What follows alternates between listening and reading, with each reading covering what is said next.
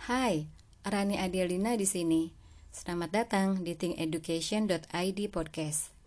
Di podcast ini, kita akan ngomongin banyak hal seputar pendidikan, terutama pendidikan tinggi di luar negeri. Info scholarship, tes bahasa asing seperti bahasa Inggris dan bahasa Korea, serta informasi menarik lainnya. Well, di episode kali ini kita akan ngomongin tentang IELTS test, yaitu salah satu tes bahasa Inggris yang sering digunakan atau menjadi salah satu syarat untuk melanjutkan studi di jenjang S1 atau S2 di negara-negara berbahasa Inggris. Informasi ini penting banget buat kamu yang belum familiar dengan IELTS atau buat kamu yang masih bingung jenis IELTS tes mana yang akan kamu ambil. So, dengerin episode ini hingga tuntas ya. Dan semoga informasi yang disajikan membantu kamu dalam menentukan jenis IELTS tes yang sesuai dengan tujuan dan kebutuhan kamu. Alright, kita mulai ya. IELTS singkatan dari International English Language Testing System IELTS merupakan salah satu tes bahasa Inggris berstandar internasional yang didesain untuk mengukur kemampuan bahasa Inggris seseorang yang bahasa ibunya bukan bahasa Inggris atau non-native English speaker.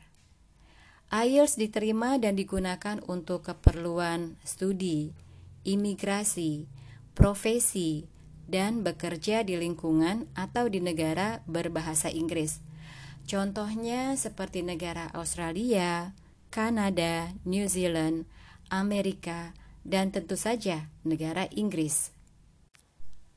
Namun demikian, di beberapa university dan institusi di negara-negara Asia dan Eropa lainnya, IELTS juga digunakan sebagai salah satu syarat baik untuk studi maupun bekerja di university atau institusi tersebut.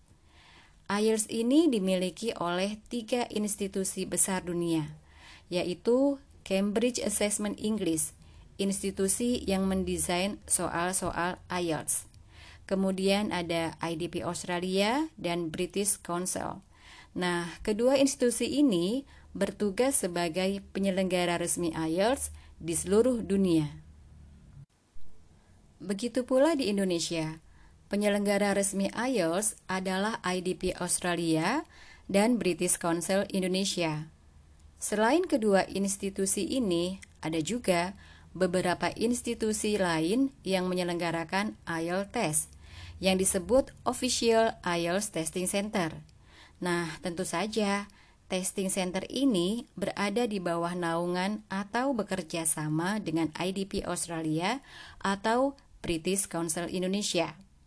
Baik, sekarang kita bahas jenis IELTS. Pada dasarnya, IELTS terdiri dari tiga jenis tes, yaitu IELTS atau biasa disebut standard atau regular IELTS. Kemudian yang kedua adalah IELTS for UKVI dan yang ketiga IELTS Life Skills. Now, kita bahas jenis IELTS yang pertama, yaitu IELTS atau sebagian orang menyebutnya standar atau regular IELTS. IELTS ini terdiri dari dua modul, yaitu academic modul dan general training modul. Academic modul digunakan untuk keperluan studi, contohnya untuk university admission di jenjang degree baik S1 maupun S2. Kemudian untuk keperluan scholarship, dan bekerja di beberapa profesi tertentu, di antaranya profesi dokter dan perawat. Sedangkan General Training Module atau disingkat GT digunakan untuk keperluan imigrasi dan peserta tes yang ingin bekerja atau melanjutkan pendidikan di jenjang non-degree seperti diploma dan vocational training di negara berbahasa Inggris. IELTS ini memiliki dua format yang bisa kamu pilih. Yang pertama adalah paper based atau paper written test dan yang kedua adalah computer delivered test atau disingkat menjadi CD test. Paper based yaitu tes berbasis kertas, di mana peserta tes akan mengerjakan soal-soal tes dari buklet dan menjawab di lembar jawaban atau answer sheet yang telah disediakan. Adapun CD test adalah tes berbasis komputer dan internet, di mana peserta tes langsung mengerjakan dan menjawab soal-soal IELTS yang muncul di layar komputer. Nah, dengan demikian, kamu bisa memilih salah satu format tes ini yang paling sesuai dan yang nyaman dengan kamu. Di dalam standar IELTS, baik akademik maupun general training modul, ada empat test session yang wajib diikuti oleh seluruh peserta, yaitu listening, reading, writing, dan speaking test session.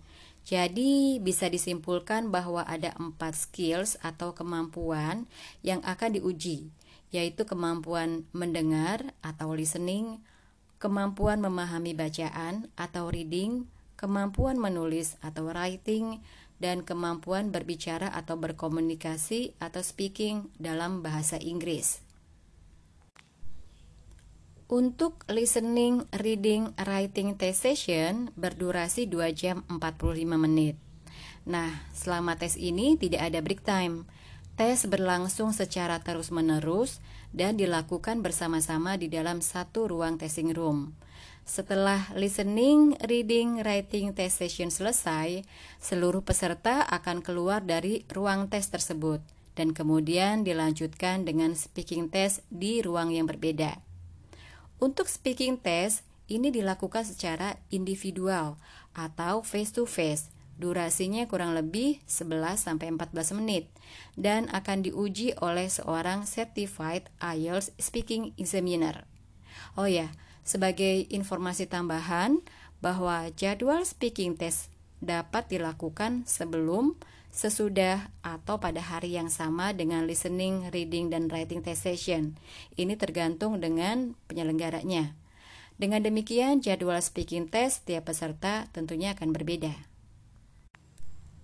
Setelah mengikuti jalannya tes, setiap peserta akan mendapatkan yang namanya TRF atau Test Report Form atau hasil ujian. Nah, kalau kamu atau peserta tes mengikuti format CD test atau computer delivered test, maka hasil akan keluar 3 sampai 5 hari dari tanggal tes.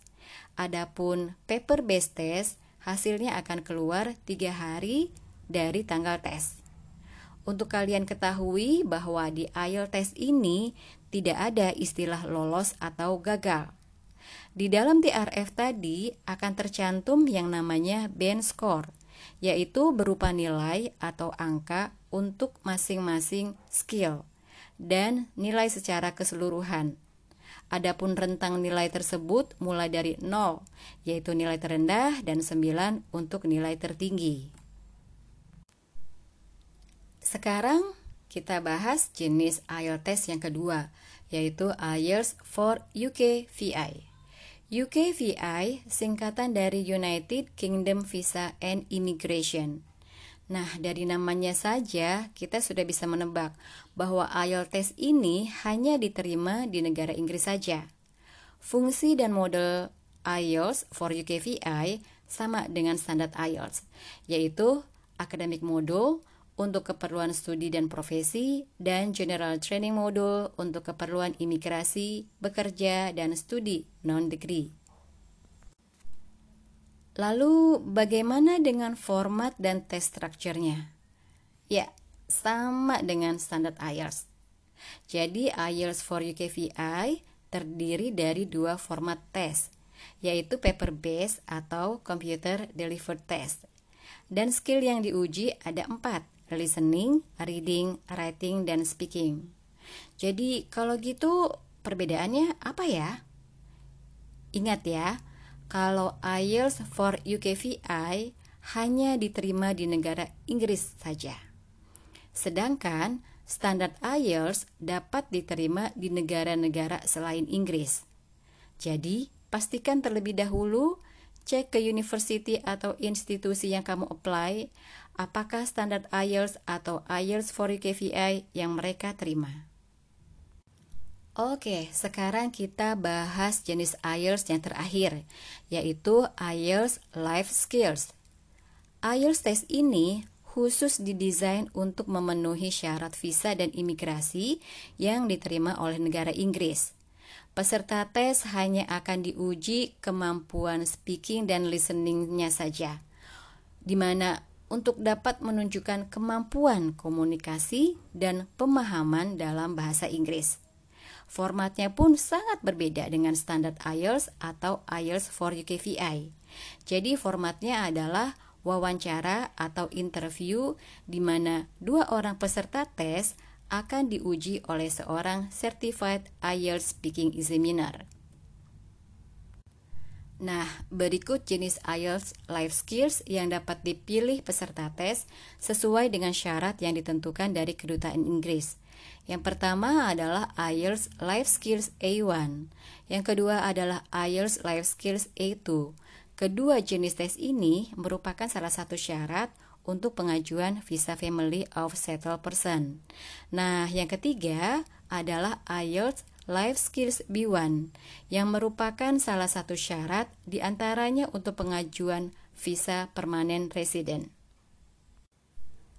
Peserta IELTS Life Skills ini akan menerima TRF atau hasil ujian 7 hari setelah tanggal tes. Dan yang tercantum dalam TRF bukan berupa band score atau angka, tetapi pernyataan yaitu satisfactory artinya lolos atau unsatisfactory artinya gagal. Oke, itu dia informasi umum tentang IELTS test. Di episode selanjutnya, kita akan ngobrolin lebih detail dari masing-masing jenis IELTS test tadi. Jadi, ikuti terus thinkeducation.id podcast ini dan semoga kamu tercerahkan dengan konten-konten yang kami sajikan. Kalau kamu punya ide atau mau request topik tertentu, langsung saja email ke thinkeducation.id at gmail.com. Siapa tahu kita bisa sajikan informasi yang kamu butuhkan. Well, terima kasih sudah mendengarkan thinkeducation.id podcast. Think big, think success, think education. See you on the next episode. Bye.